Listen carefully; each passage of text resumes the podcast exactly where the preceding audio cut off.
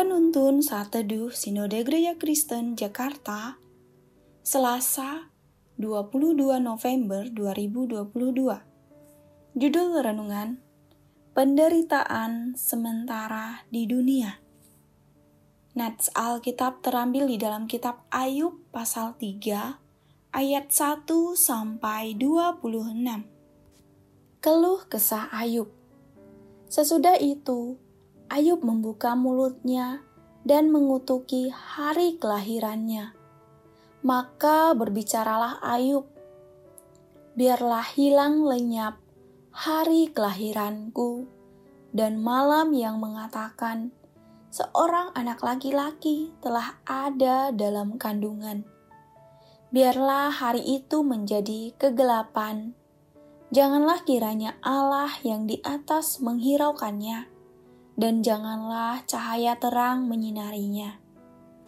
Biarlah kegelapan dan kekelaman menuntut hari itu. Awan gemawan menudunginya dan gerhana matahari mengejutkannya. Malam itu, biarlah dia dicekam oleh kegelapan Janganlah ia bersukaria pada hari-hari dalam setahun. Janganlah ia termasuk bilangan bulan-bulan. Ya, biarlah pada malam itu tidak ada yang melahirkan dan tidak terdengar suara kegirangan. Biarlah ia disumpahi oleh para pengutuk hari, oleh mereka yang pandai membangkitkan marah Lewiatan. Biarlah bintang-bintang senja menjadi gelap. Biarlah ia menantikan terang yang tak kunjung datang. Janganlah ia melihat merekahnya fajar, karena tidak ditutupnya pintu kandungan ibuku dan tidak disembunyikannya kesusahan dari mataku. Mengapa aku tidak mati waktu aku lahir? Atau binasa waktu aku keluar dari kandungan? Mengapa pangkuan menerima aku? Mengapa ada buah dada sehingga aku dapat menyusu? Jikalau tidak, aku sekarang berbaring dan tenang.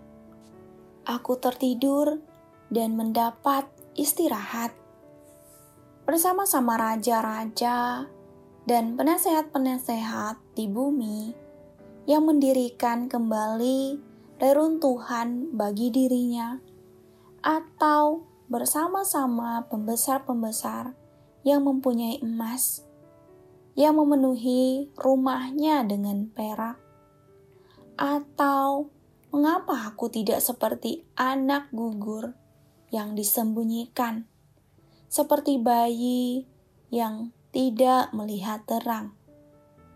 Di sanalah orang fasik berhenti menimbulkan huru hara.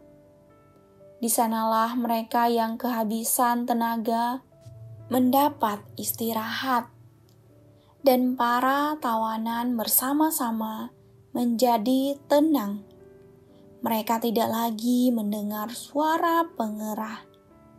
Di sana, orang kecil dan orang besar sama, dan budak bebas daripada tuannya. Mengapa terang diberikan kepada yang bersusah-susah dan hidup kepada yang pedih hati, yang menantikan maut yang tak kunjung tiba, yang mengejarnya lebih daripada menggali harta terpendam. Yang bersukaria dan bersorak-sorai dan senang bila mereka menemukan kubur. Kepada orang laki-laki yang jalannya tersembunyi, yang dikepung Allah. Karena ganti rotiku adalah keluh kesahku. Dan keluhanku tercurah seperti air. Karena yang kutakutkan itulah yang menimpa aku. Dan yang kucemaskan, itulah yang mendatangi aku. Aku tidak mendapat ketenangan dan ketentraman. Aku tidak mendapat istirahat, tetapi kegelisahanlah yang timbul. Penderitaan adalah bagian dari kehidupan. Setiap kita pasti akan mengalami penderitaan. Maka dari itu, harus siap menerima kenyataan ini dan terus belajar mencari makna lain dari penderitaan. Penderitaan seberapa hebat pun pasti ada maksud yang baik bagi kita. Yang menjadi pertanyaan, apakah kita hanya mau menerima yang baik-baik saja dalam hidup dari Tuhan, sedangkan yang buruk tidak? Nats renungan hari ini tersirat jeritan Ayub dari lubuk hati yang dalam terkait dengan kesusahan yang bertubi-tubi dan sangat menyiksa. Respon Ayub sangat manusiawi karena dia juga memiliki daging seperti kita. Iblis sangat kawakan dalam mengocok manusia dia tahu titik lemah setiap manusia. Tidak bisa dipungkiri, acap kali penderitaan melumpuhkan semangat hidupnya. Sehingga di sini Ayub mengajukan pertanyaan kepada Allah, "Mengapa?" Sebanyak lima kali. Ayat 11, 12, 16, dan 20. Namun Alkitab menyaksikan bagaimana Ayub tetap bertahan dan berharap kepada Allah. Ayub mempertanyakan tentang keberadaannya di dunia ini, dan seolah Allah tidak ada saat jiwanya gelisah. Di tengah ketidakmengertiannya, Ayub menghadapi penderitaan dengan hati yang lapang dan sikap Ayub menjadi teladan bagi kita sebagai orang percaya masa kini. Tuhan izinkan Ayub mengalami penderitaan yang tidak tanggung-tanggung. Setiap sendi kehidupannya seperti ditikam dari berbagai arah. Dalam semua hal itu, Ayub memberi teladan kepada kita untuk tidak menjadi orang Kristen yang cengeng. Meskipun Ayub punya komunitas yang ideal, namun tidak semua teman-temannya berempati kepadanya.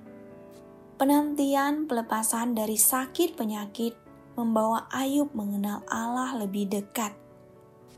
Daripada menangisi nasib, lebih baik memaknai ulang setiap peristiwa agar kita dapat berdamai dengan diri sendiri. Amin.